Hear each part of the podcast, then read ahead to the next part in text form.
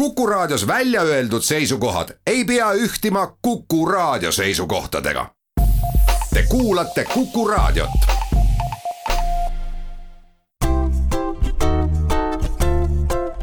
patsiendiminutid, Patsiendiminutid toob teieni Eesti Patsientide Liit. tere hommikust, head Kuku kuulajad! Eeloleval pühapäeval tähistatakse rahvusvahelist Parkinsoni päeva. ja on ju teada, et Parkinsoni tõbi on natuke salapärane haigus, algab hiilivalt ja haigeid ei ravita sellest haigusest terveks. uurimegi täna, mida uut Parkinsoni tõve kohta on teada saadud ja mis haigusega tegu üleüldse on. mina olen Kadri Tammepuu ja meil on liinil Tartu Ülikooli neuroloogia professor doktor Pille Taba, tervist! tere kõigile! No see, et äh, teie Parkinsoni tõvega tegelete, reedab, et haigus on kuidagi ikkagi seotud aju ja närvisüsteemiga. mis siis inimese ajus täpsemalt juhtub, kui tal hakkab arenema Parkinsoni tõbi? just nii on, Parkinsoni tõbi on ajuhaigus, mis rohkem küll on riskiks vanemas eas, aga siiski ei ole ta ainult vanemaea haigus, vaid me ütlemegi kesk- ja vanemaea haigus. üheksakümmend protsenti meie haigetest on ka üle kuuekümne aasta vanused aga kuuskümmend aastat tänapäeval ongi ju tegelikult keskiga, me töötame sellel ajal, võib-olla isegi teismelisi lapsi ja kümme protsenti patsiente on nooremad kui kuuskümmend aastat. Äh, haiguse olemus aga seisneb selles, et äh, teatud ajurakud, me nimetame musttuumaks seda äh, struktuuri ajus, kus hakkavad rakud vähenema. ja selle tõttu aju toimimine muutub, mille tõttu liigutused jäävad aeglasemaks, tekib värin, kõnnak muutub aeglasemaks ja see kõik tuleneb sellest, et puudu on ajus sellist äh, närviülekandeainet, mille nimi on dopamiin. Seda haigust kirjeldas juba kakssada aastat tagasi James Parkinson, aga umbes kuuskümmend aastat tagasi oli siis see aeg, kui me õppisime tundma neurokeemiat. rootslane Arvid Karlsson oli see, kes avastas, et dopamiin on ajus ja et üldse on olemas selline närviülekandemehhanism, mis siis Parkinsoni tõve puhul muutub. Praeguseks on aga meie arusaam veelgi sellest täienenud, et me teame, et on haaratud mitte ainult see must tuum, vaid ka mõned teised ajustruktuurid. et need olid siis perekond Praakid, saksa teadlased, kes näitasid, et haaratud võib olla ka ajutüvi ja ka muud ajuosad kuni ajukooreni välja, mis seletab ka seda, et lisaks neile sümptomitele, mida me kutsume motoorseteks nähtudeks, nagu seesama kõnnakuhäire, värin, aeglus, lihasjäikus, võivad tekkida ka muud, nagu näiteks äh, soolestikuhäired, lõhnatundlikkuse halvenemine, ka meeleoluhäired, unehäired, nii et tegelikult on see üks selline suurem kompleksne haigus, mille sümptomid siis aja jooksul võivad süveneda no mis on need sellised esimesed märgid, te ütlesite, et kõnnak muutub aeglasemaks, midagi äkki veel, mis on need sellised esimesed märgid, mille peale inimene võiks mõelda, et kõik ei ole päris enam korras? tõepoolest, need nähud tekivad nii aeglaselt, et neile tuleb osata tähelepanu pöörata. umbes kolmveerandil haigetest tekib esmasümptomina värin. see värin on enamasti ühepoolne, on ta rohkem rahuolekus mitte siis, kui midagi võtame, vaid kui õhtul televiisori ette istume. ja samas me teame, et pärin ei ole ainusümptom, vaid sinna juurde tekibki siis äh, kohmakus, aeglus esialgu rohkem käes ja algul ka ühes käes, aga hiljem ka juba terves kehas, nii et samm muutub lühemaks, kõnnakul kaasliigutused vähenevad äh, ja lisaks võib juurde tekkida sama ka neelamise ja kõnega seotud lihastes. nii et kõne võib muutuda aeglasemaks, monotoonsemaks, neelamine aeglasemaks ja ka mõte võib muutuda aeglasemaks. inimene, kellel on Parkinsoni tõbi, vajab rohkem aega, et oma mõtteid mõtelda ja oma sõnu sättida.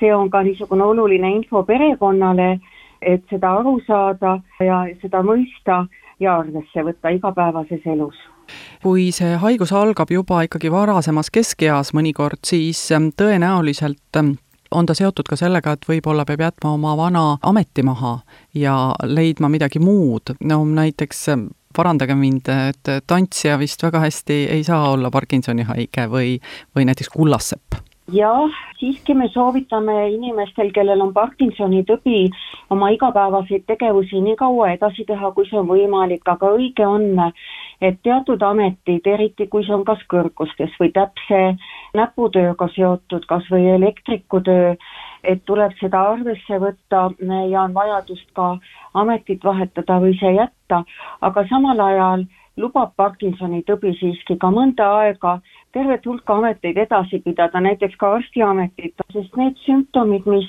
võivad nüüd kaasneda muude organsüsteemide poolt, ma mõtlen näiteks meeleoluhäire või kõhukinnisus või põiehäired, et need on võimalik leevendada, raviga vähendada, nagu ka liikumist on võimalik parandada.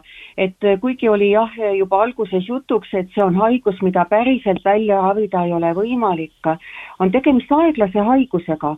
ta küll süveneb, aga neid sümptomeid on võimalik leevendada igapäevase ravimi võtmisega, et võimalik on tablettide abil liikumist kiirendada, võimalik on ravida meeleoluhäireid, kõhukinnisust, põiehäireid see ei ole see lootusetu haigus, vaid see on haigus, millel on olemas ravimid kuidas arst siiski kindlaks teeb, et tegu on just nimelt Parkinsoni tõvega, sellepärast et ähm, noh, kui me räägime näiteks unehäired või depressioon või ka, või ka kõhukinnisus, need ähm, viitavad ju sellele, et võib olla tegu väga erinevate haigustega, aga tegelikult ka võib-olla teatud liigutuste või, või mõtlemise või, või tasakaaluhäirete puhul on nii?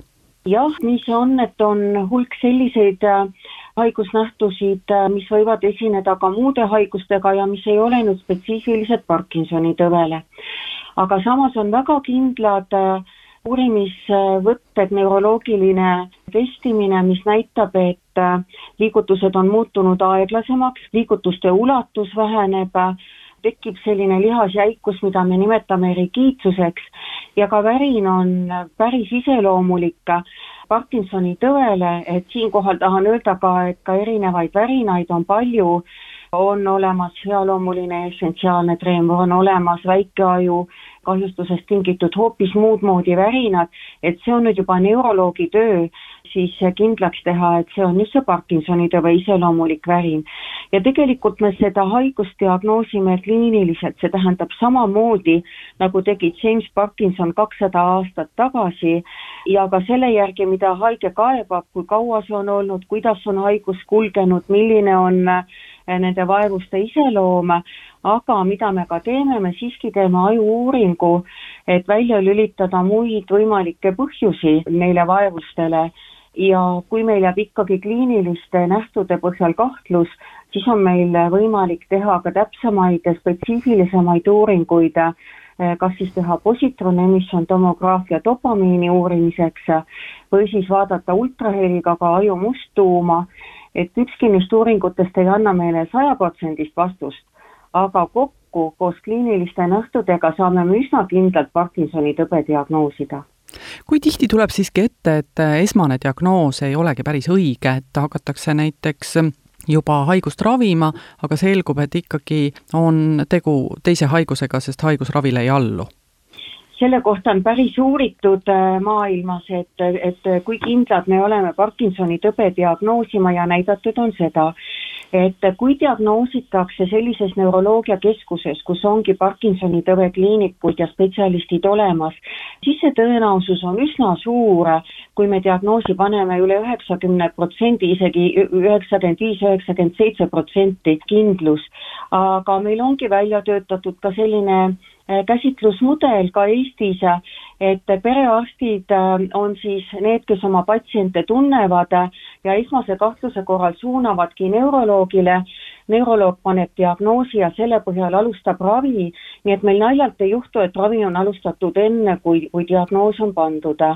Aga õige on ka see et, et sada protsenti see kindlus ei saa olla, on olemas ka sellised keerulisemad parkinsonistlikud sündroomid, mille puhul see kahjustus ajus haarab ka muid struktuure peale musttuuma ja need tõesti näevad välja nagu Parkinsoni tõbi, aga neil on lisasümptomid, eh, mida jälle neuroloog peab siis nägema ja leidma ja vastavalt sellele diagnoosima. nii et kui üldiselt on Parkinsoni tõve diagnoos võimalik teha polikliiniku vastuvõtul eriarsti ehk neuroloogi juures, siis mõnedel juhtudel me tõesti teeme lisauuringuid, kui meil on kahtlus neile harvadele lisasündroomidele siis ka tõesti haiglas. teeme siinkohal nüüd väikese pausi. patsiendiminutid.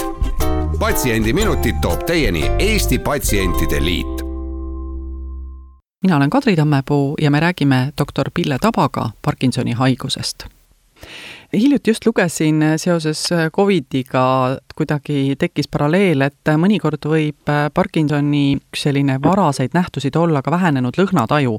kas olete sellega kokku puutunud? oo oh jaa, meie oleme teinud terve uuringu, see oli kümmekond aastat tagasi kui meie valideerisime lõhnatestid just nimelt Parkinsoni haiguse uurimiseks, see on äh, hea täiendav meetod, mis on polikliinikus mõne minutiga võimalik läbi viia.